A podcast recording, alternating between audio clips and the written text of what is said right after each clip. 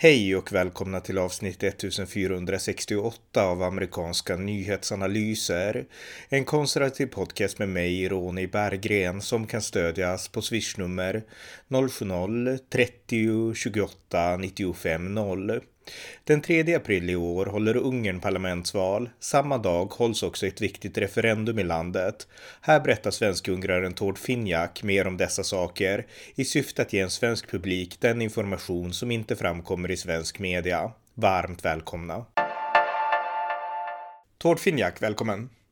Tack ska du ha, Ronny, och god förmiddag! Ja, men detsamma, detsamma. Vi ska prata lite grann idag om Ungern denna förmiddagen då. Och det brukar vi göra relativt regelbundet och du är en väldigt uppskattad eh, poddpratare. Det är många som skriver och som mejlar och sådär så tycker att du är otroligt bra därför att du är väldigt pedagogisk och du har din sköna göteborgska, skriver folk. så att, ja. ja.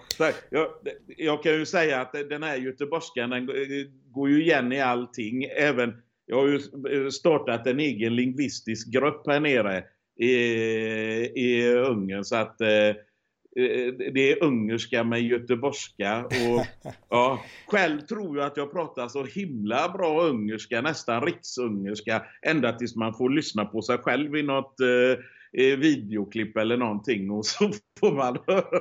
Ja, jag förstår. Så, ja, ja. Det, mm. Ja, charmigt i alla fall. Men hur som helst, Ungern håller parlamentsval den 3 april och i vårt förra poddavsnitt så pratade vi ganska ingående om det här. Men jag tänkte lite kort, kan du berätta för lyssnarna, vad handlar det här parlamentsvalet om? Ja, det är ju, vi har ju då eh, till skillnad från eh, förra valet 2018 så eh, där oppositionen var, var väl mer eh, spretig kan man säga. Då då stod valet egentligen mellan tre fraktioner kan man säga. En, du hade ju uh, den konservativa uh, med Fidesz och Kristdemokraterna då va. Och sen så hade du den direkta mots, vad heter det, motsatsen då. Den vänsterliberala sidan då med socialister, Eh, Eh, och eh, liberaler.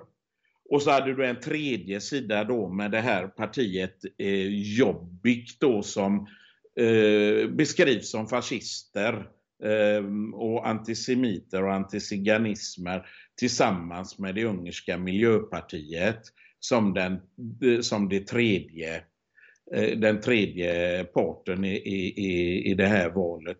Och då var det ganska lätt Eh, eh, för Fidesz och Kristdemokraterna och kamma, kamma hem det valet faktiskt. Eh, nu kanske det blir lite tuffare. För nu har ju, nu har ju de, den här oppositionen lyckats gadda ihop sig. De, eh, socialisterna och vänsterliberalerna har tagit in eh, då Miljöpartiet och Jobbik i sin eh, falang. Och det är ju egentligen partier, alltså det, det är ju egentligen partier som egentligen inte tycker om varandra alls och har jättemånga eh, meningsskiljaktigheter. Så egentligen så ska detta inte gå. Och eh, det var väl ingen som riktigt visste hur man, eh, eh vem som skulle vara då den här talesmannen eh, för den här rödgrön-bruna röran. ja, för det är ju, det, är ju i, i, den, i ordets rätta bemärkelse när man tar med Jobbik i den eh, i, i, i, det sammanhanget tycker jag. Eh, då kom man fram till att man då skulle välja att folket skulle välja en som skulle föra deras talan och vara kandidaten till eh, statsministerposten eh, då som eh, mot eh, Orban. Och då poppade det upp en alldeles eh, ny spelare, en som inte har något parti alls. Eh, som heter Peter Marki Zay. Eller Zay. Han, han har eh, han har ett förflutet, han har varit många, många år i Kanada och kommer tillbaka till Ungern där, där han blir vald som oberoende eh, borgmästare.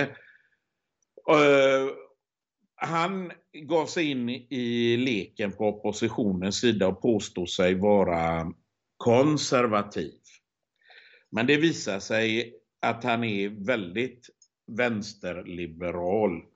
Och frågan som många ställer sig är väl egentligen om han inte är en eh, eh, headhuntad eh, person utav eh, socialistledaren George Chang för, som har insett att eh, oppositionens kandidater är inte starka nog. Och de har väldigt mycket eh, speciellt hans egna parti då som vi pratade om i förra podden eh, de har många lik i garderoberna mm. och, de kommer inte att ena och, och, och eh, folket kanske att rösta på de här om, om han själv eller hans egna fru då Klara skulle skulle bli den som för, förde talan. För de är ganska avskydda de här två personerna i Ungern.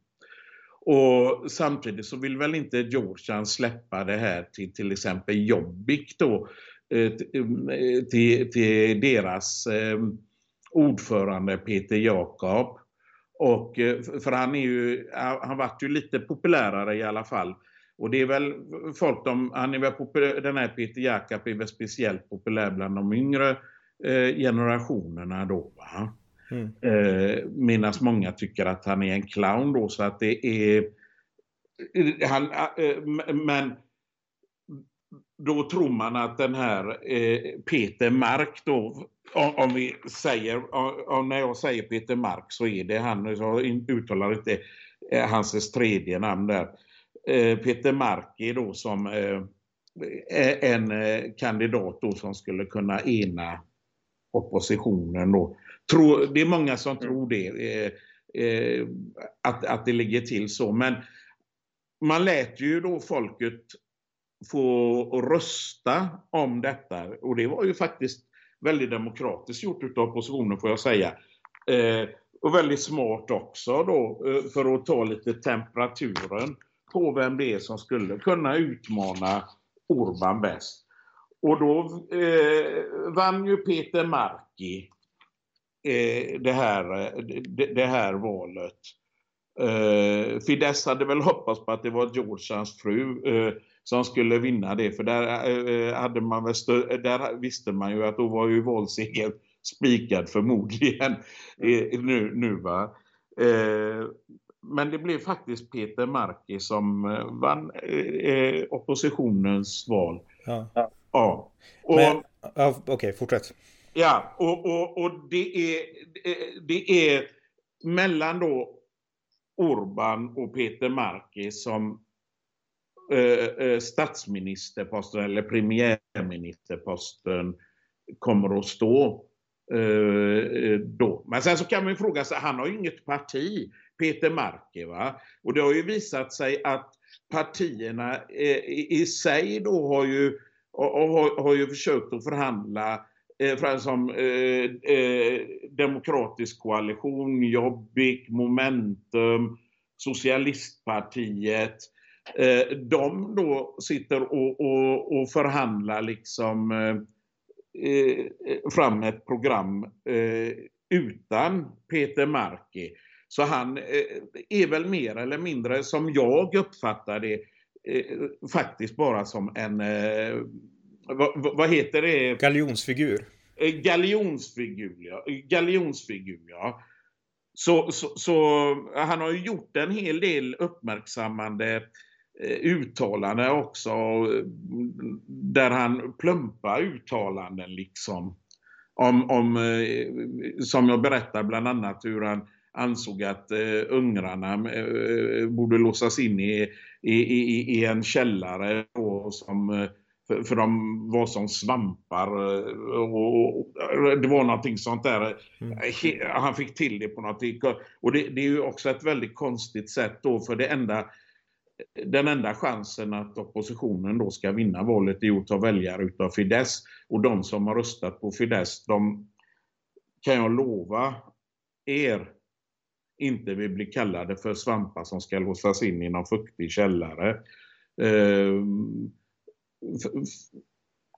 för att de har ju väl lite större självkänsla och, och, och stolthet så. Ja. Så jag tror att hans uttalande där inte talar för honom särskilt mycket. Nej.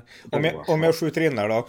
Eh, ni som vill höra mer om liksom just det här, ni kan lyssna på poddavsnitt 1450, där pratar vi om det här från den 20 december förra året. Och eh, för att sammanfatta det du har sagt nu då Tord, alltså man kan säga att förra valet 2018, då var det Fidesz och det var liksom ett normalt parlamentsval där man utmanades av oppositionspartier och konkurrerade med alla partier, även med Kristdemokraterna och sådär. Medan nu är det så här att oppositionen har insett att Orban är så stark att eh, vi fixar inte det här på egen hand, utan nu måste vi gå samman oavsett om vi tillhör extremhögern eller extremvänstern. Och i den här, eh, vad ska man säga, sammansmältningen så har man hittat en så kallad oberoende kandidat, Peter Markisaj. Och eh, det är han då som är ansiktet för den här brokiga oppositionen som har egentligen bara en sak gemensamt. De vill liksom störta Orban från makten. Kan man säga så? Sammanfatta det så? Det, det, det, det, det är väldigt bra sammanfattat, Ronny. Ja. Det, det, det, är i stort sett det enda de har gemensamt. Att, att, att eh, eh störta, eh, störta Orban. Ja. Mm. Eh, precis, och valet då, parlamentsvalet, det hålls den 3 april. Men det är inte bara ett parlamentsval det datumet, utan det hålls också ett referendum. Och vi var inne på det här lite grann i förra podden och en tidigare podd också tror jag. Och det handlar alltså om att man vill, man vill skydda barn från propaganda. Och du får gärna berätta om detaljerna och så. Men det referendumet kommer också att hållas, alltså en folkomröstning kan man säga då, den 3 april, samma dag som parlamentsvalet. Ja, och det handlar ju, det handlar ju om den här eh, eh pedofililagen, eh, eh, som man kallar det för. Och, och, och den, den, har man ju delat upp i, i, i, två delar och det kanske är lite olyckligt där att man har kört den andra delen för att den första delen utav pedofililagen eh, tror jag de flesta är överens om.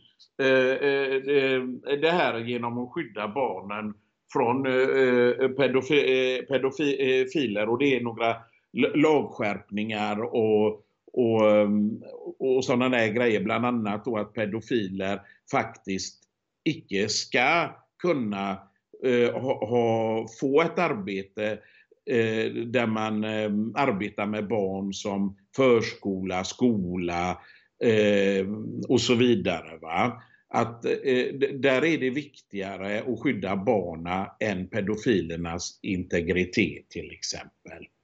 Och man har även höjt, eh, eh man har även höjt då fängelsestraffet. Då för, så, så där tror jag de flesta är överens.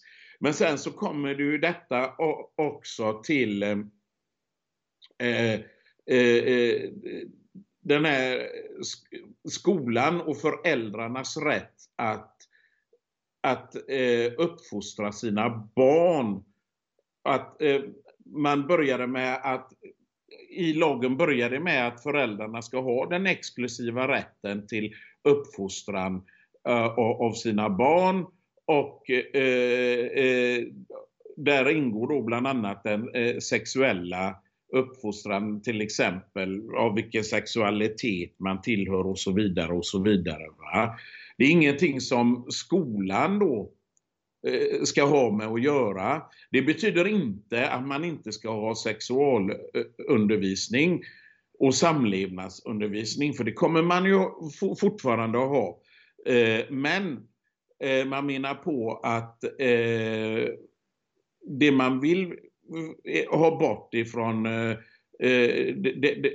sexualundervisning, det är bland annat mer pornografisk eh, undervisning så att säga. Alltså inte hur, eh, hur det fungerar och sådana här saker.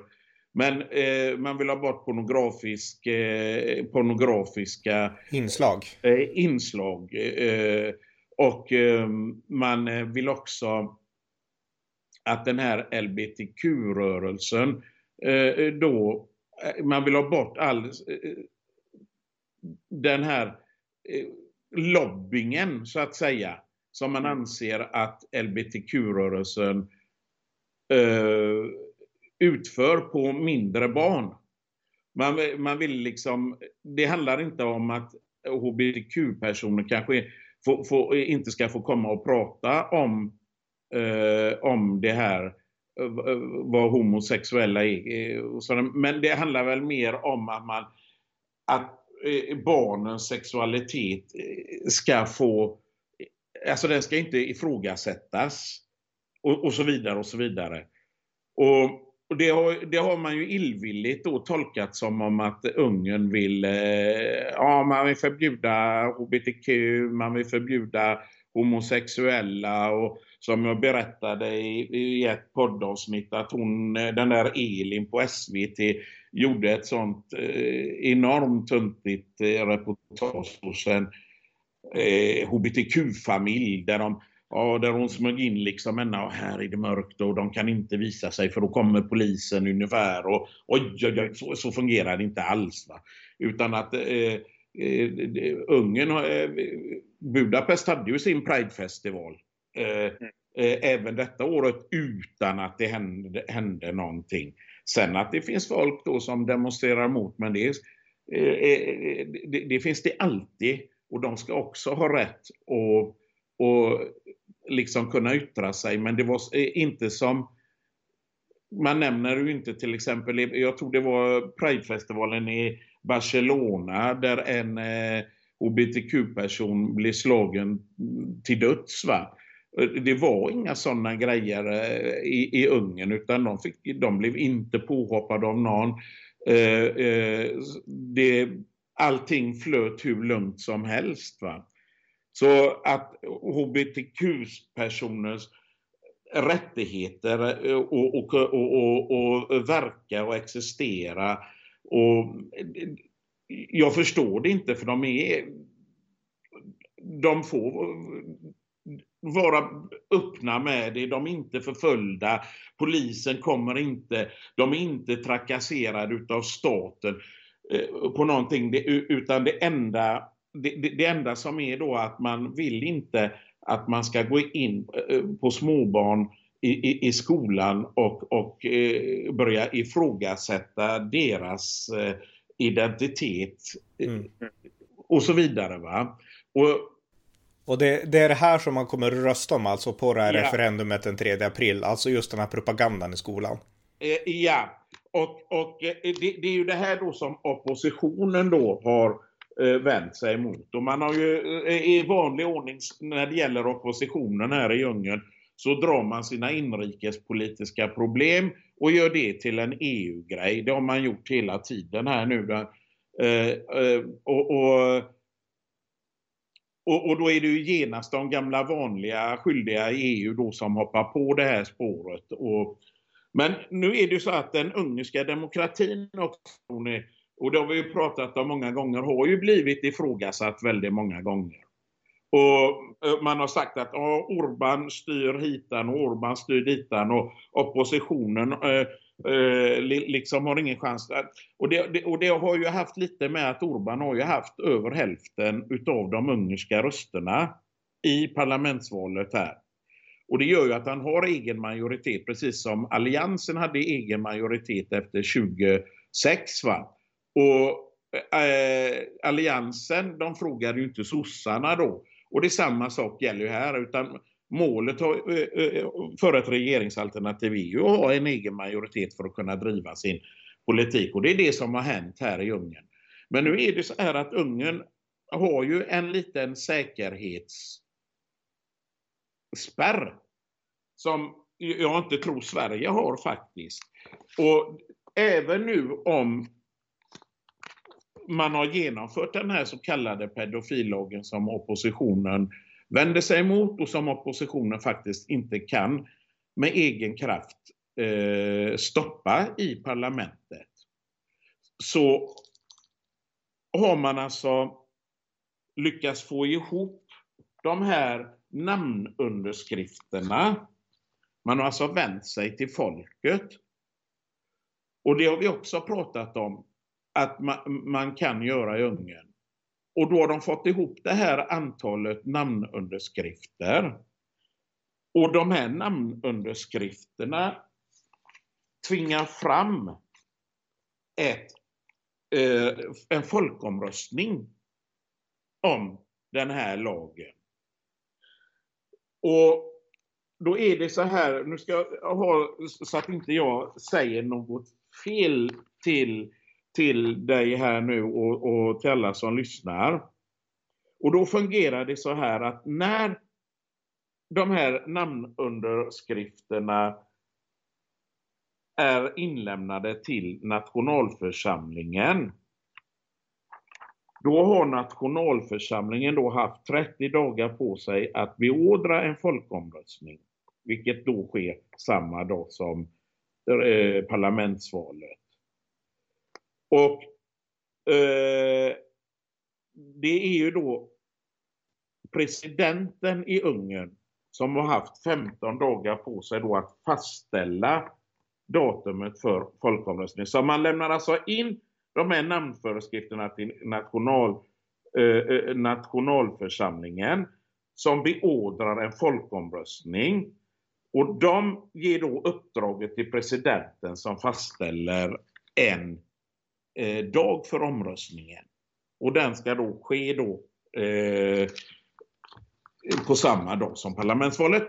Och det, det tyder ju på att även om Fidesz har en sån förkrossande egen majoritet i det ungerska parlamentet så kan alltså oppositionen gå till folket för en folkomröstning och låta folket avgöra i denna fråga. Mm. Mm. Två, två frågor här då i så fall. Alltså, det första är det är alltså oppositionen som har drivit fram den här folkomröstningen. Men har man någon förhoppning om att folket kommer att rösta för att stoppa liksom de här förbuden mot liksom porrpropaganda och sånt? Ska, ska, man gå, ska man gå efter, eh, eh ska man gå efter eh, Eh, den eh, omröstning som, som Orban har haft så, eh, jag, jag kommer inte ihåg detta, så ni får förlåta mig om jag säger fel. Men jag garderar mig här nu då. Men jag tror det var någonstans mellan 80 och 90 procent som ville ha denna lagen. Va? Men så att ska vi gå efter det så borde de ju så borde de ju tänka att nej, det, här går aldrig, det är ingen idé, vi kör det. Men det kan ju också vara så här, vad man hoppas på tror jag, det är att eh, förmodligen så tror man att de som röstade då den gången på Orban, att de bara, det var de som var konservativa så att säga. Va? Och att de mer eh, liberala och, och, socialistiska idéerna då kanske, de gick inte och röstar. Det är ungefär den retoriken de har kört då, att eh, de gick ändå inte och rösta. Och jag tror man, det är det man hoppas på då kanske att den här gången så ska de rösta. Häng, hänger du med? Ja. Men, men okej, okay, men då förstår jag. Men intressant. Men, men det intressanta det är ju ändå att de kan använda det här som ett verktyg trots att de ligger, alltså, de har inget inflytande alls i princip i parlamentet. Det är det som är det intressanta här. Och en annan fråga som jag har, här i Sverige har vi också folkomröstningar, referendum ibland, men de är egentligen inte bindande, även om nu politiker väldigt ofta binder sig till att liksom i riksdagen rösta så som folket har gett råd om. Men folkomröstningarna i Sverige är rådgivande primärt. Eh, I Ungern är de bindande då, till exempel? Ja, bindande. Ja, den ska vara bindande. Det, det, det, det, det är... Um, ja. Just det. Mm. Ja. Ja. Ja, intressant. Eh, ja, men det, blir, det, är, det är spännande för det här ger liksom en intressant syn på liksom den ungerska demokrati som du oftast hackar på så mycket. Att den är, det här är en riktig demokrati. Ja, vi kan, alltså, ja, jag undrar, eh, och det här kanske är någon Eh, eh, någon lyssnare också som vet bättre. Eh, eh, sådär, eh, säg till exempel det här med bränsle och energipriserna nu som är i Sverige. Som många svenskar eh, ja, får lida utav kan man väl eh, direkt säga. Och säg att oppositionen i Sverige då med M, KD och SD då, eh, skulle de kunna göra samma sak i Sverige. Alltså kräva ett referendum om, om, om bränslepriserna? Ja, till exempel om bränslepriserna eller, eller vindkraften eller kärnkraft.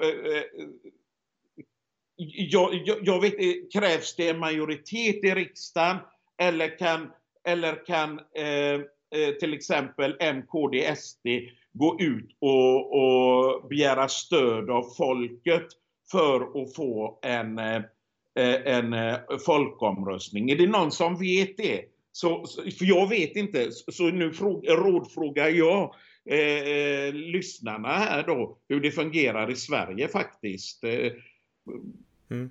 Ja, bra, för jag har ingen koll heller. Så att ni som, ni som kan, ni får gärna besvara det. Alltså, har vi samma möjligheter till folkomröstningar som man tydligen har i Ungern? Det är en bra fråga. Så att med det sagt kan vi ta, kan vi ta nästa fråga här då. Och det är så här att i det här valet så diskuteras det ju väldigt mycket korruption. Oppositionen då säger att Orban är väldigt korrupt. Och eh, ja, utifrån så är det svårt att veta hur man ska förhålla sig till det här. Men du har ju lite bättre koll än jag i alla fall. Så att frågan är, vem är egentligen korrupt i det här politiska spelet i Ungern?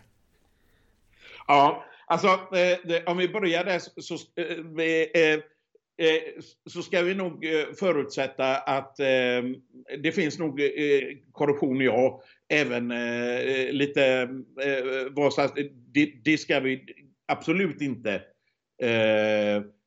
sopa undan. Men den intressanta frågan, de som har väckt detta och, och väldigt mycket oppositionen igen, är de mindre korrupta då. Och jag har kollat lite på det här och fått lite intressanta siffror. Och då får vi ju gå tillbaka i tiden när eh, eh, socialisterna styrde och premiärministern hette, hette Ferenc Georgian. Och, och, och kollat. Och det är väldigt spännande och detta framkommer aldrig och det är det här eh, eh, när man pratar om korruption och, och, och, och, och, sådär. Nu är det så här att jag har kollat upp, det kan vara mer företag, men jag har fått ungefär 33 företag som Georgian har ägt, varit delägare i eller suttit i en styrelse samtidigt som man var premiärminister. Och utav de här, summan utav dem, för vi kan ju inte gå igenom alla 32 företag sammanlagt. Och det är astronomiska summor. Jag vet, det, det, det, det är, och då är det alltså som de här eh, företagen har plockat ut i statliga subventioner och, och varit inblandade, alltså som har fått statligt stöd under den här tiden. Mm. Det är astronomiska summor eh, är, är detta i, i, i fåren. Så det, jag, jag grejar inte ens att uttala, eh, uttala hur mycket det här är.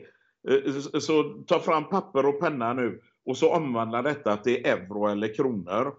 847 679 006 98 974 ungerska fårinter. det är jättemycket alltså. Eh, eh, jag fick inte plats med alla de siffrorna i miniräknaren till slut. Men, men, men det här är alltså pengar som eh, Georgia har använt, alltså som han har, typ vad ska man säga, kontrakt som han har slutit när han var aktiv politiker eh, och eh, med sina egna företag, eller? Ja, ja, ja. Och sen, och sen så har han då bland annat då, eh, eh, så, så har han tagit Eh, eh, Eh, eh, eh, så, så, så, har han lurat staten på 8 till 100 miljoner forint utav överskottet i koldioxidkvoter. Sen så har han, eh, eh, har, har, du då momsbedrägeri på 15 till 20 miljoner forint. Eh, eh, bland annat bedrägeri av eh, återvinningskostnader som genomfördes under privatiseringen som han hade då 250 till 300 miljoner forint. Och sen så har han låtit staten betala hans Eh, semesterhus på 2,5 miljoner forint i månaden har han tagit staten på det.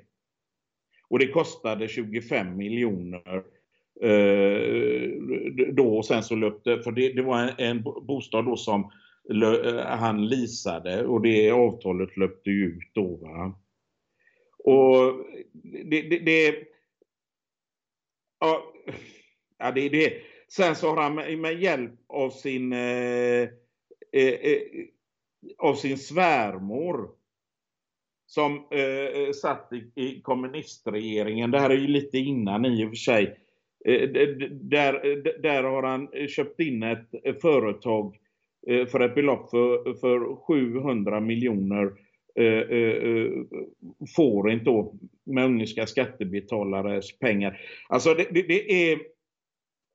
Sen så, sen så, så har vi ytterligare statsbidrag. Men sen, sen så har vi här också som jag har hittat att han har låtit ungerska staten gå i borgen för tusen miljoner dollar för ett av hans företag i, i en affär i Indonesien.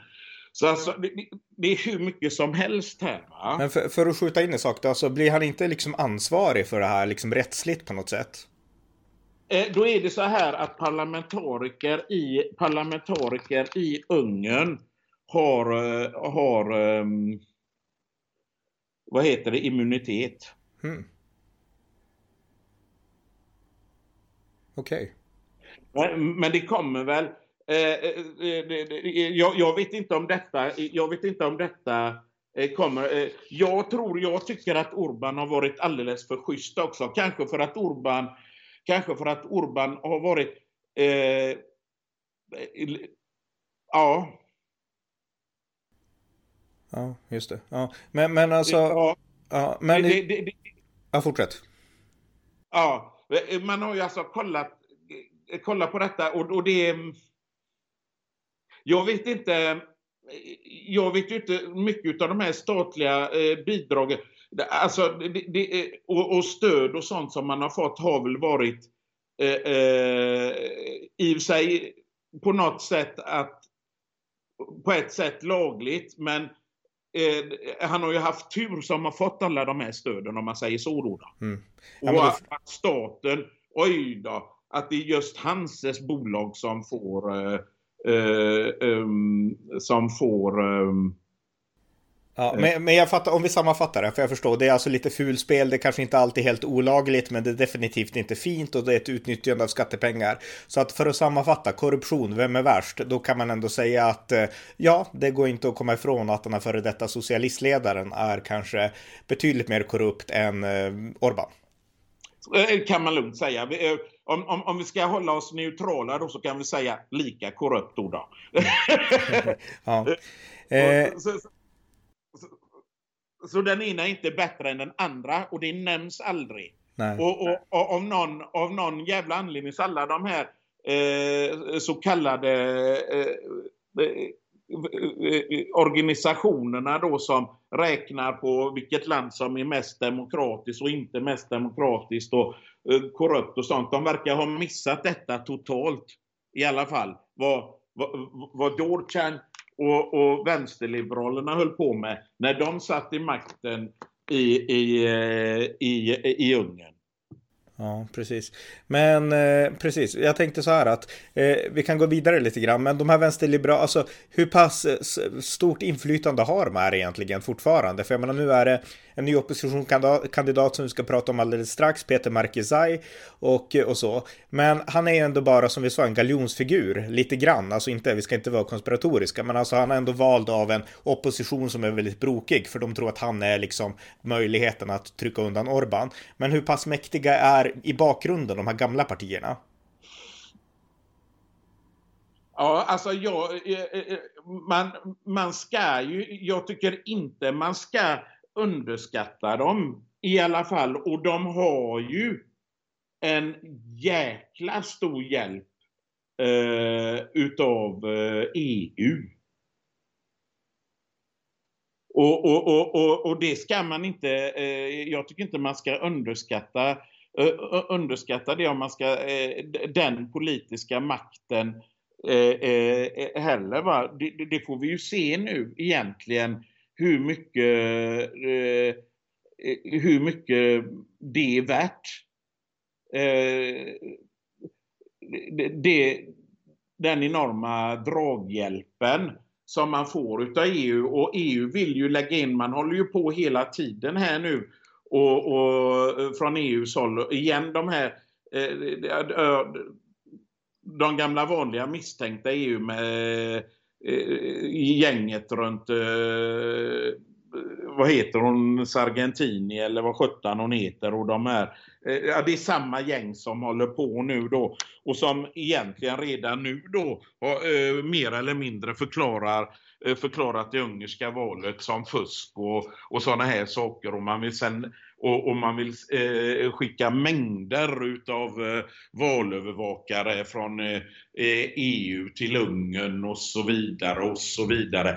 Och vad jag är rädd för det är den makten för att oavsett hur det här kommer, oavsett hur det här kommer att gestalta sig i valet, oavsett om Orban får över 50 procent, så tror jag att det kommer att finnas en vilja i EU att faktiskt köra hittepågrejer om valfusk, om, om och, och, och, så vidare. Alltså jag, jag är ledsen att säga det Ronny, alltså jag litar inte ens på min egen skugga nu längre. Det, det, det, det, det är liksom... Ja. Det, jag tror man inte vill ha samma... Eh, eller jag tror inte EU eh, vill ge sig så lätt som man gjorde när Polen röstade eh, eh här. Utan, eh, eh utan att jag är ganska övertygad om att eh, många i, i EU kommer att göra allt vad de kan för att eh, ja, det, här, det här är ju lite spekulationer, men det blir intressant att se, för gör de så? Det skulle vara otroligt intressant om de bara går in och säger att ja, det var fusk, Orban vann genom fusk, eller Fidesz vann genom fusk. Jag menar, det är ju, snacka om att liksom eh, spela kortet åt det håll man, man själv vill liksom. Om det är fel parti så vinner, då är det fusk, är det rätt parti så gick det rätt till. Så att, men det här får vi diskutera efter ja. valet, tycker jag, analysera. Men jag tänkte att vi går in på lite mer då den här specifika oppositionskandidaten då, samlingspersonen, Peter Markusai. Alltså, vilka vallöften är han specifikt? Specifikt inför det här valet. För han kan ju inte bara liksom, han kan ju inte bara kandidera på att jag samlar oppositionen, utan han måste ju ha valfrågor också. Vad kampanjar han på specifikt? Ja, ja, han kampanjar väldigt mycket på eh, e, när det gäller just EU, gör han. Och han kampanjar väldigt mycket, eh, eh, väldigt mycket runt om det här att som jag uppfattar, eh, jag utgår ju från mig själv när jag pratar om det och min uppfattning, eh, eh, mer eller mindre att Ungern ska lägga sig för EU och, och, och att eh, Ungerns framtid ligger där i. Och det, det finns väl det, genom, alltså, genom att man lägger sig, lägger sig för EU. Det, det är rätt intressant för att eh, eh du har ju då i alla fall DK och Momentum, de är ju väldigt eh, federalistiska. Så eh, frågan är om Ungern i så fall att man vill, mer, man vill lägga över mer makt till EU över, över landet. Och det är ju en viktig valfråga för, för Ungerns eh, eh, nationella, i alla fall självbestämmande. Så där är en ganska stor eh, eh, sten. Sen så, sen så pratar han ju bland annat om eh, eh, vi kan ju ta det här med energin i och med att det, att det är i eh, energiförsörjningen och eh, energi, i, i och med att det är en stor grej i Sverige också nu. Och då är, då, då är det ju så här att eh, och har ju sett till så att energibolagen i Ungern inte får höja priserna. För skulle de göra det så kommer folk att frysa ihjäl här. Va? Och eh, eh, eh, eh Peter då, Peter Markisaj, han vill ju eh, införa marknadsmässiga, eller låta marknaden styra helt, precis som i Sverige. Vilket då skulle betyda att Ungern skulle få samma energipriser som kanske då Tyskland, Sverige och, och, och Österrike. Och då kommer ungrarna inte ha råd att betala energin. Ska, kan man säga, får jag skjuta in en fråga här då? Alltså, ungrare har liksom en svagare ekonomi i grund och botten än tyskar och svenskar liksom. Så att för dem så skulle liksom internationella marknads energipriser vara katastrofalt. Kan man säga så? Absolut, absolut. Det skulle vara det skulle vara jättekatastrof. Och, och, och det är ju det om, om vi tittar i Sverige nu, många som har fått elräkningar på, jag, jag har ju sett där som har pratat på 9, 10, Eh, någon hade fått på 20 000 också liksom. Och, eh, alltså, eh, det, det, är ju astronomiska summor för en ungrare och det är ju jävligt hot för en svensk också att få sådana eh, eh, såna elpriser. Och, och du kan ju inte jämföra, alltså, jag tror att en eh, ungersk lön, den är långt ifrån, långt ifrån eh, de svenska, de svenska lönerna. Om jag, om jag säger att en ungersk lön ligger, eh, minimilön då kanske ligger på en 250 000 eh, eh får inte i eh, i ehm, eh, månaden. Där någonstans runda slänga plus minus någonting. Men bara, bara så att eh, lyssnarna... Hur mycket, hur mycket är det ungefär då i svenska kronor eller i liksom euro? Eller något? Ja, vi ska kolla, vi ska kolla här i, i svenska eh, i, kronor. Vi tar då 250 000. Det kanske är lite mer, kanske 270 men vi tar, det är runt, det är runt 7000 eh, kronor Ja, så mellan 7 och 8 tusen, där ligger en, en minimilön. Och sen så beror det ju lite på var du bor i Ungern också. Va? För bor du i huvudstaden så, är, så har du mycket bättre eh, lön än de som, eh, de som eh, bor ute på landet. Då, va? Här där jag bor, där, där tjänar ju folk runt om där. Mm. I, i, I den häraden. Mellan, jag ska säga då mellan 7 till 10 000 i månaden då. Eh, eh, om, om, om, om vi ska lägga oss riktigt. I Budapest så kan det vara helt andra löner. Men det, det, det är liksom 2 miljoner som bor i, i Budapest. 10, 8 miljoner bor utanför Budapest. Men kontentan är alltså att om det här taket skulle försvinna på liksom energipriser, då skulle man få samma prisklass som vi har i Sverige och det skulle vara en katastrof. Det skulle vara en katastrof, ja. För då är vi ju inne på, då, då pratar vi om de här eh, marknadsmässiga priserna. Och, och, och, och, och det är ju där de ligger Eh, eh, nu.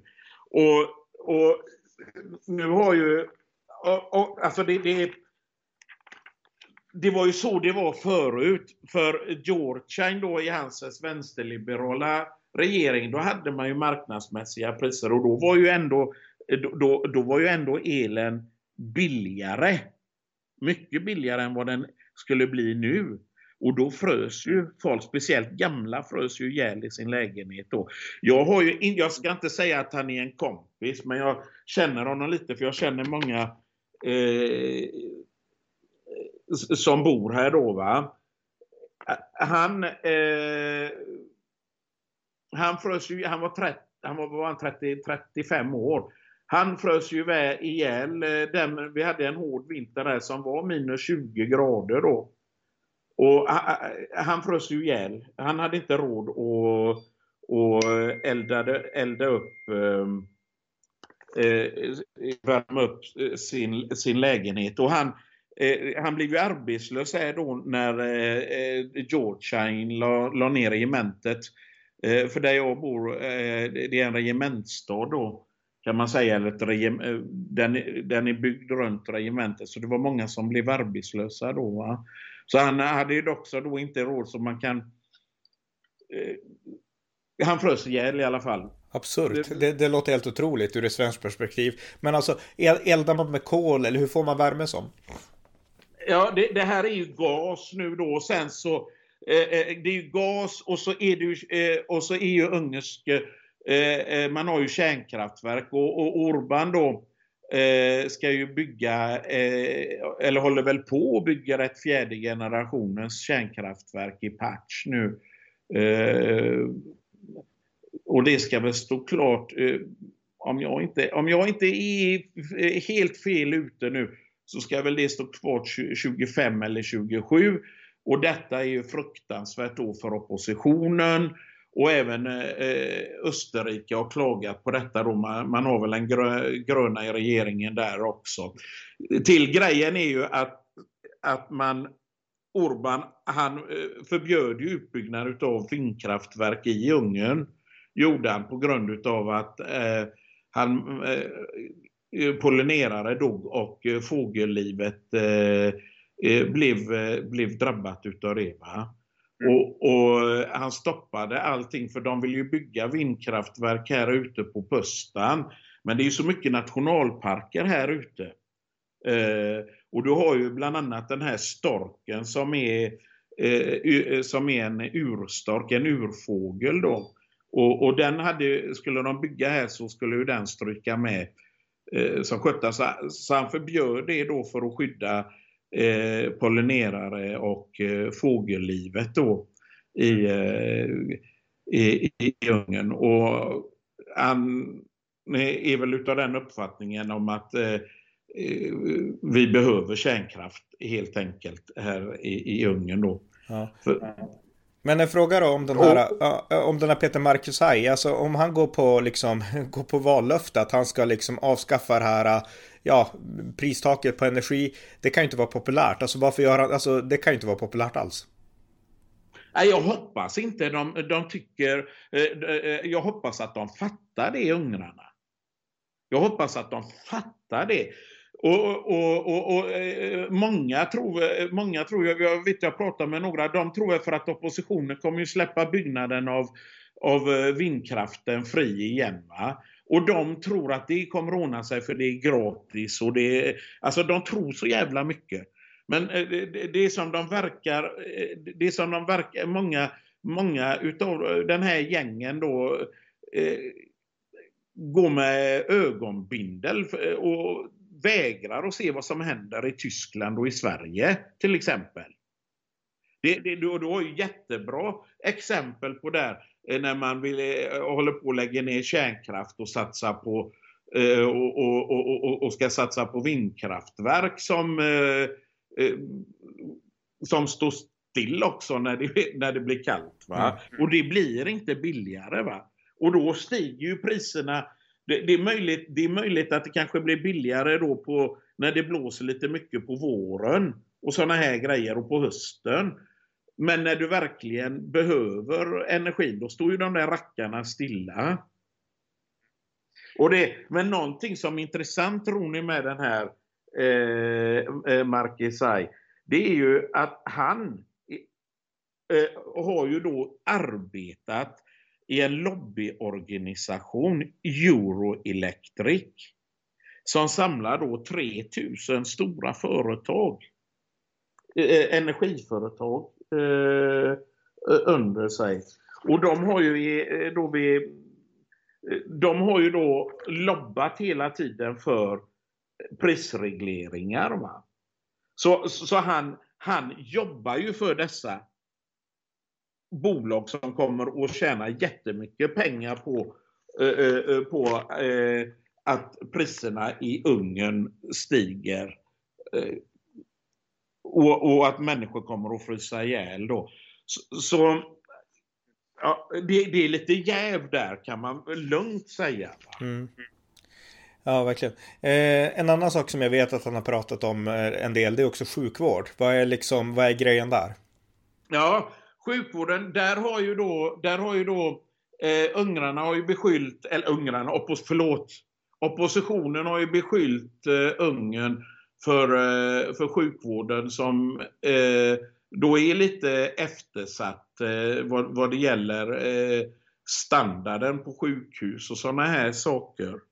Och det är rätt intressant därför att eh, nu skulle ju då Orban bygga eh, i, i, i Budapest ett, eh, ta tag i detta och, och bygga ett eh, supersjukhus, alltså ett riktigt, riktigt stort supersjukhus i ordets rätta bemärkelse.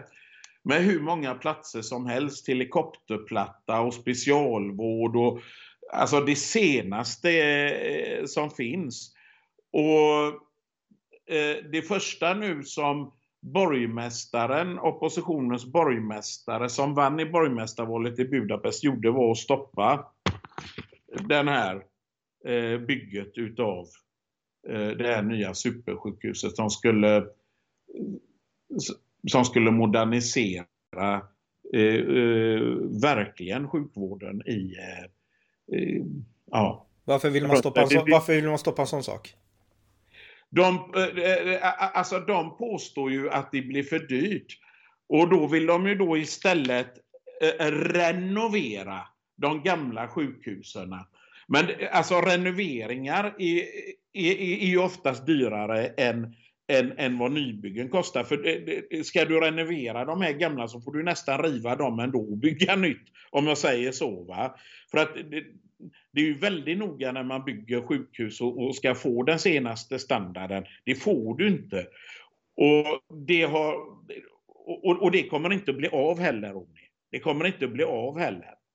Och nu har ju dessutom då Orban, eh, eller nu har man ju velat bygga lite mer sjukhus här, bland annat special, eh, specialistsjukhus då för eh, här bland annat för eh, ögon, ögonspecialistvård eh, då va.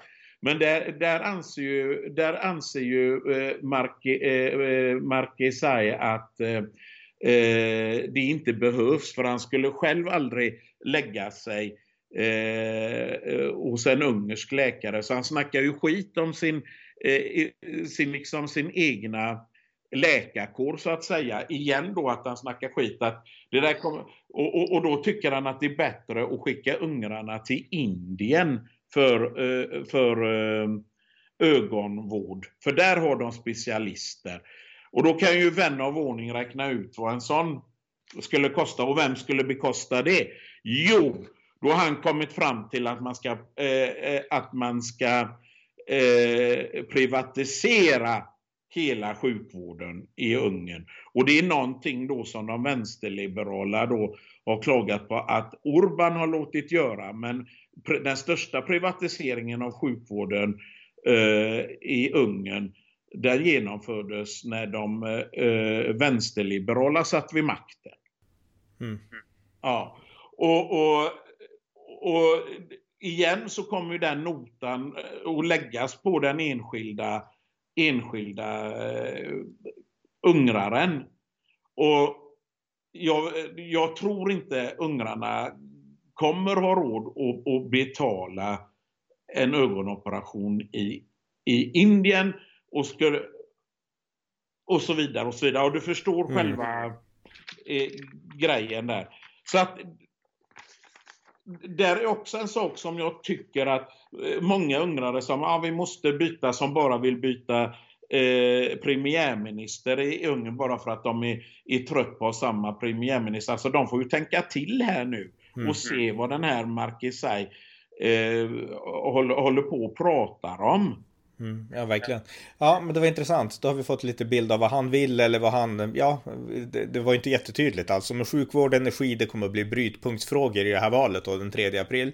Eh, jag tänkte som avslutning så ska vi gå in på lite lyssnarfrågor som jag har fått. Jag skrev ett inlägg på Facebook igår där jag sa att du skulle vara med och så fick de ställa, ja, skriva frågor då till dig som, som du skulle kunna besvara lite kort bara. Vi behöver inte gå in på djup på det här. Men jag tänkte jag drar det tre frågor som vi har fått in då. Den första, det har att göra lite grann med Ungern och Kina. Ungern är ju ett land som ändå har en hyfsat god relation med Kina, vilket jag inte tycker är bra. Det är en av mina kritiska punkter mot Ungern. Och den här frågan handlar om, alltså, vad innebär det om Kina blir mer bundis med, med, liksom, med, med Ungern? Och, eh, och allt det här med att väska stå upp mot Kina och så vidare. Vad är dina tankar kring det? Mm. Ja, jag läser här också frågorna, ser det är Mikael Ahlqvist. Vi har pratat en hel del. Eh, Han är, Eh, han är ju faktiskt genuint intresserad. tycker jag är roligt. Eh, eh, ja, alltså om, om, om vi börjar där så eh, Orban vill ju försöka ha bra relationer med så många som möjligt eh, där. Affärsrelationer så att säga. Va? Sen så tror jag alltså, jag kollade eh, på länder då som är har samarbete med Kina och sådana här grejer. Och Sverige har alltså tre till fyra gånger mer samarbete med Kina än vad Ungern har. För att inte tala om vad Tyskland och Frankrike som har ännu mer. Va? Och jag tycker det är igen en, en oschysst retorik eh, Eh, ifrån, för det verkar som om en del länder eh, tycker att de har mer rätt till eh, eh, eh affärsrelationer med, med vissa andra länder. Och, men eh, då kanske då Ungern då inte har, har, har rätt eh, har, rätt till eh, då dessa affärsämnen. Nu vet jag att tonläget har varit väldigt högt i bland annat Sverige, i EU eh, eh, då. Men jag ska vara ärlig, det, det, här, det här är vad jag tror. Jag tror det bara är käften som går på dem. För att grejen är, eh, vi måste ju se också vad som händer. Eh, eh, alltså, EU till exempel nu vill ju ha, eh, pratar ju om eh, eh det här gröna Europa och allting med vindkraftverk och så. Allting det, det tillverkas ju i Kina. Solpaneler tillverkas i Kina. Alla, eh, alla metaller och sånt som ingår i de här solpanelerna, det är Kina. Kina äger nästan, eh, nästan alla eh, eh, eh vad heter det, eh, metallresurser som, som finns i världen. Jag läste någonstans om, om det. Kan... De, de, de, köper in allt. Jag vet inte om de har allt, men de köper in allt. Råmaterialet ja, har de inte. Ja, och, och jag kan berätta här till exempel eh, den här jag har ju företag och, jag behövde en viss typ av kullager i företagen då. Va? Och då visade det sig att när jag beställde det, då skulle det ta flera veckor. Och då beställde jag då genom eh, stort känt svenskt företag, försökte jag, de hade det inte. Och ja, Det var SKF då jag tittade på, det var NSK, NTN från Japan, eh, jag tittade på FAG, jag tittade på och det, det fanns inte va. Och, och sen då så Eh, fick jag ett jävla bra fri, eh, pris utav Tinken då, ett amerikanskt lager då som eh, är bland de största då. Men det kom ju fan ingenting. Och till slut så visade det sig att de hade fått stoppa produktionen för att Kina hade köpt upp allt, eh, allt stål. Och, och, och, då stod, och då stod liksom där och, och, och till slut då så fick jag loss Eh, efter, efter ett par månader fick jag ju loss det här jäkla kullagret ifrån NSK då. Eh, det japanska NSK då. Mm.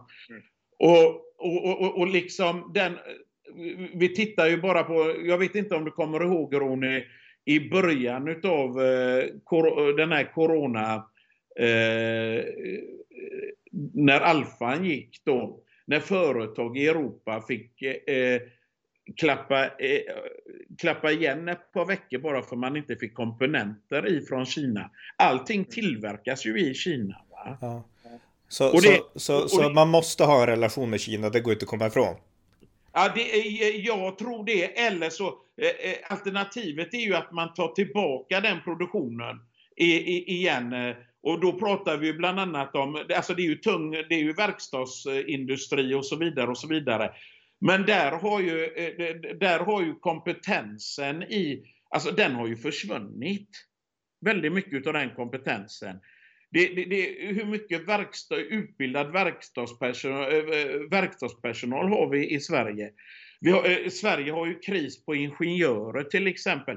Eh, i, idag som det är nu. Hur mycket ingenjörer skulle inte Sverige behöva om, om vi flyttade hem all, eh, all den, den eh, eh, produktionen som man, har, som man har lagt ut till Kina nu, nu till exempel. Och det gör man inte på två, tre år. Nej, det, är en lång, det är en långsiktig och ta tillbaka det man har lagt ut.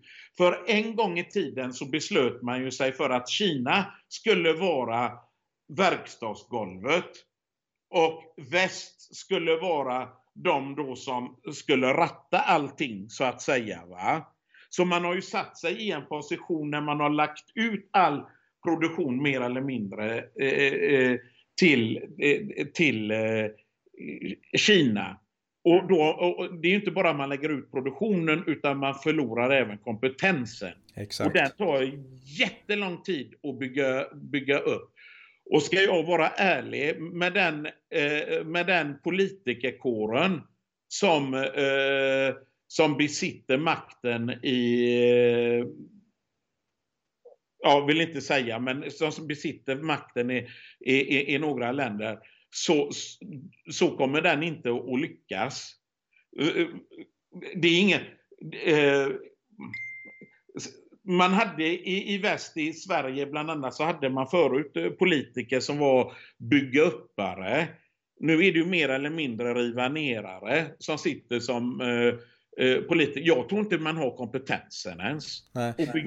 Men för, för, att knyta samman tråden här, för det, jag håller helt med dig, men alltså man kan säga så här då, när det pratas om att Ungern har dörren öppen mot Kina, det är liksom, det gäller inte bara Ungern, utan det gäller ännu större utsträckning Tyskland och Sverige, så det är ju mer bara, det här blir bara någon slags grej man kan hamra mot Ungern, men man är liksom lika go goda kålsupare själv, resten av Europa.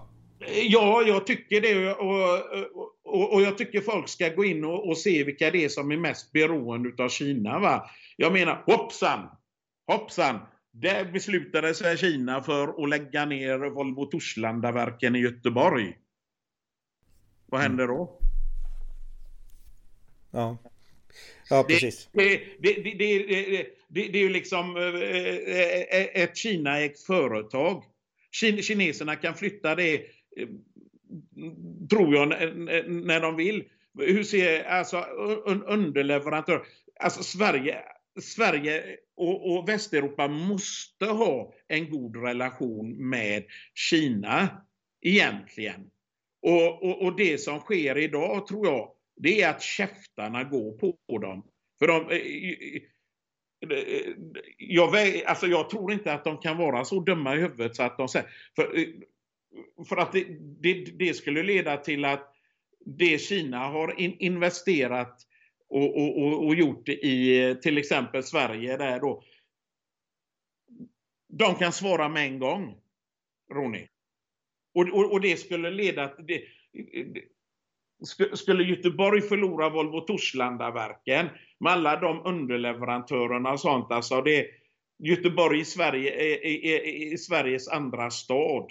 Och, och, mm. och, jag överdriver nog inte med att säga att den största delen på ett eller annat sätt är beroende av Volvo Torslandaverken som underleverantörer eller, eller, eller någonting. Så att det, Ja, men, men jag förstår, men vi, vi, så här helt enkelt. Äh, de är liksom lika goda kolsupare så vi kan inte anklaga Ungern för det här. Men däremot så anser jag att vi, västra Europa och Europa i dess helhet måste liksom arbeta på en process där vi blir mindre beroende av Kina. Men det tar lång tid och vi måste göra det, göra det gemensamt. Så att det är bättre att vara fokuserad på det än att hamra på Ungern för denna frågan. Ja, i så fall. Och då, men då ska man börja med det nu. Och, och, men jag, eh, eh, vet du vad jag är rädd för? jag är rädd för att de, eh, de kommer inte göra det, för de har inte kompetensen till det. Och, och, och, och, och de här stora globala företagen, många utav dem, eh, de kommer att förlora på det för att lönekostnaderna i, producera i Europa kommer att bli dyra. Man, vad jag tror man kommer att göra, man kommer att flytta man, kom, man kommer att flytta problemet till ett annat låglöneland.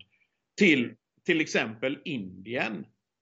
Eller liknande. Eh, och, och, och, då, och då blir man beroende utav dem istället. Va? Och vi, eh, jag menar okej, okay, Indien kanske inte är den hårda diktaturen så, så det är ju demokrati ändå i Indien, men Kina har alltid varit en diktatur så länge jag har levt. Så när man bestämde sig för att göra Kina till en verkstadsplats så var det en diktatur då också, Roni. Mm.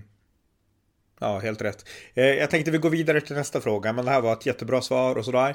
Eh, nästa fråga vi fått det är att eh, vad anser ungerska politiker om den svenska regeringens ständiga påhopp på Ungern? Och det här är ju inte bara regeringen utan det är ju politiker från ja, det vänsterliberala hållet i Sverige och det är media och det är liksom det är hela tiden det hackandet på Ungern. Och vi har pratat om det här förut du och jag, men, men ändå, lite kort. Ja, lite kort då så, så i början av all den här så brydde de väl sig inte så himla mycket, eh, eh, tycker jag. Men, men sen i och med att det har varit så många rena lögner Ronny, som vi har gått igenom, då, så vi behöver inte ta upp dem här, eh, så, så har man det, det har blivit en viss irritation.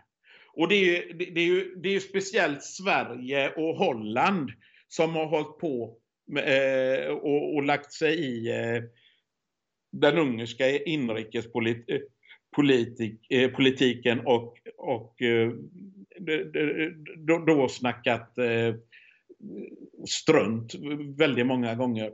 Och jag tror inte de är så glada. Det de inte är glada över det är just lögnerna. Och, eh, eh, eh vi, vi kommer ihåg eh, the famous eh, eh, An eh, Annika Strandhälls tweet om 30-talet. Och, Och, och, och, det och, och, och, som hon påstod då att man skulle sätta tjejerna tillbaka till spisen. Eh, eh för det här ehm, eh, familjepaketet då eh, som Katalin Novak då Eh, kom fram till. Det är ett stort paket och där Annika Strandhäll då uppenbarligen antingen inte har läst det eller inte fattat vad hon, äh, äh, vad hon har läst med. För där ingår det ju bland annat då att kvinnan inte ska behöva välja mellan familj och sin karriär utan att eh, man ska kunna ha både familj och karriär. Man, eh, eh, man har tagit bort och underlättat eh, kvinnor att och utbilda sig eh, högre med eh, jättemånga lättnader på studielån. Man har infört, i det här paketet har man då bland annat infört studielån som Sverige har. Va? Och man har velat att kvinnor ska kunna ta våga ta studielån och inte behöva tänka på att jag kanske får familj någon gång och då, och, och, och då har gjort underlättnader i återbetalningar och sådana här saker till de här kvinnorna. Och då, detta då bestämde ju ungrarna sig för att nej nu får det vara nog, nu får vi åka till Sverige och, och, och, visa vad vi, vi menar. Och då skickar man ju en regeringsrepresentant i Ungern. Och, och, då helt plötsligt har svenska eh, Eh, eh, eh, regeringsrepresentanter inte tid att träffa den här ungerska regeringsrepresentanten. Så det visar ju också då en, en illvilja och det har nog ungrarna tröttnat på nu.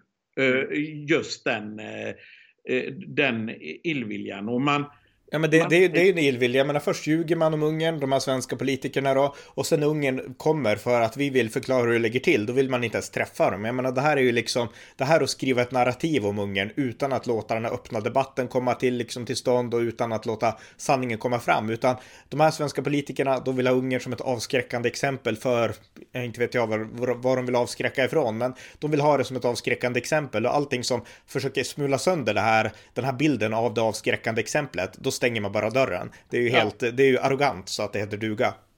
Det, det, det är ju riktigt arrogant va. Och, och, vi hörde ju nu också då eh, Ungerns ställning då, eh, utrikesminister Peter Siarto var ju ute nu här och, och, och sa det att eh, vi behöver inte tycka om den svenska regeringen. Och vi kan ha, eller tycka om vad de gör. Men vi måste, vi, vi respekterar Sveriges val. Det måste vi göra. Men vi kräver att Sverige ska re respektera Ungerns val. Också. Va? Det är det som ungrarna väljer. Och man tycker att eh, svenska regeringen har inte rätt och, och, och, och liksom ge sig på det valet som ungrarna har valt. Va? Nej, precis. Ja. Eh, nästa och sista fråga som jag fått det är vilka frågor är det som vanligt folk i Ungern tycker, tycker är viktiga? Vi har nu pratat om de här valfrågorna som, som politikerna har, eh, Peter Markusaj, energi, sjukvård och så. Men vanligt folk, alltså vad tycker de är viktigt inför det här uppkommande valet? Mm. Då, då, då, kan väl jag bara gå på eh, så som vi pratar, jag och eh, människorna runt omkring där. Eh, ungefär för att kanske mm, få eh, för, för, för, att kanske få en eh, eh, ge ett litet svar. Jag får uppfattningen om att ungrarna eh, runt omkring mig pratar ungefär så som svenskarna och har gjort innan eh, innan problem med eh, eh, stora problem med kriminalitet med, med, med, med, och så den biten har kommit till Sverige. För det, det, det har ju blivit andra frågor idag i Sverige som svenskarna pratar om väldigt mycket. Men förut så pratar man ju i Sverige också om vad får vi i plånboken med den här regeringen. Och, och, och sjukvården står ju eh, högst, väldigt högt uppe. Eh, får, får jag eh, den känslan av, för väldigt många pratar om sjukvården i alla fall, eh, när vi pratar här nere. Så den kommer nog att bli viktig.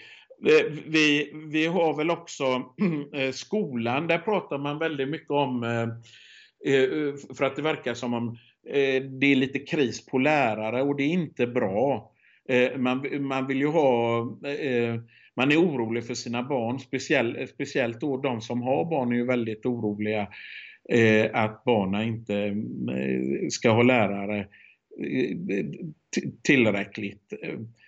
Eh, det är väl två, två jättemycket viktiga. Man, man, man pratar faktiskt inte så jäkla mycket om eh, migrationen. Jag har inte hört så många att man diskuterar så mycket om eh, det här med migrationen och att Ungern ska skydda gränserna och sådana här saker. Jag tror att ungrarna tar det som självklart. Mm. ja, men det är intressant därför att det visar att Ungern är ett mycket mer oskyldigt land än Sverige. Därför att i Sverige har vi fått enorma problem. Och som du sa, jag menar Ungern, de kan prata om frågor som vi i Sverige kunde prata om för 20 år sedan. Skola, vård, alltså helt, det som borde vara normala frågor. Men som inte är det längre i Sverige. Det går att prata om liksom, det kan vara toppfrågorna i Ungern. Vilket det inte kan längre i Sverige på samma sätt, tyvärr. Nej, och så löner då i, i, och med, i och med att Ungern har ett helt, annat, eh, eh ett helt annat system när det gäller lönesättning än i Sverige. Va? För att här är ju, här går, eh, här, här går ju parlamentet in då och kan, eh, eh, ja det här ska vara då eh, minimilönerna om man eh, då förhandlar med eh, näringslivet då, eh, löneökningar och sådana här saker, hur det ska se ut. Och, och det, det, är, eh, det är också då väldigt viktiga saker, för det, det är ju ändå, det är ändå trots allt lönen då som, eh, som ser till att vi har mat på bordet. Va? Och, och, och, och, och kan eh, eh ge schyssta förhållanden till våra barn då så att de kan hänga med i undervisningar eh, när allting nu eh, digitaliseras och sådana här saker. Så att man, det, är ju de frågorna då. Och det, det, är väl de frågorna som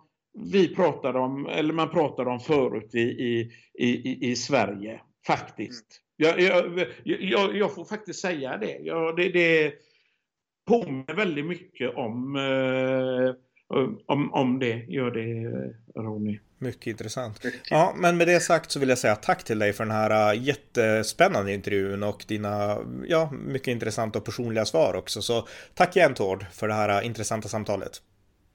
Tack själv Ronny. Det var avsnitt 1468 av amerikanska nyhetsanalyser.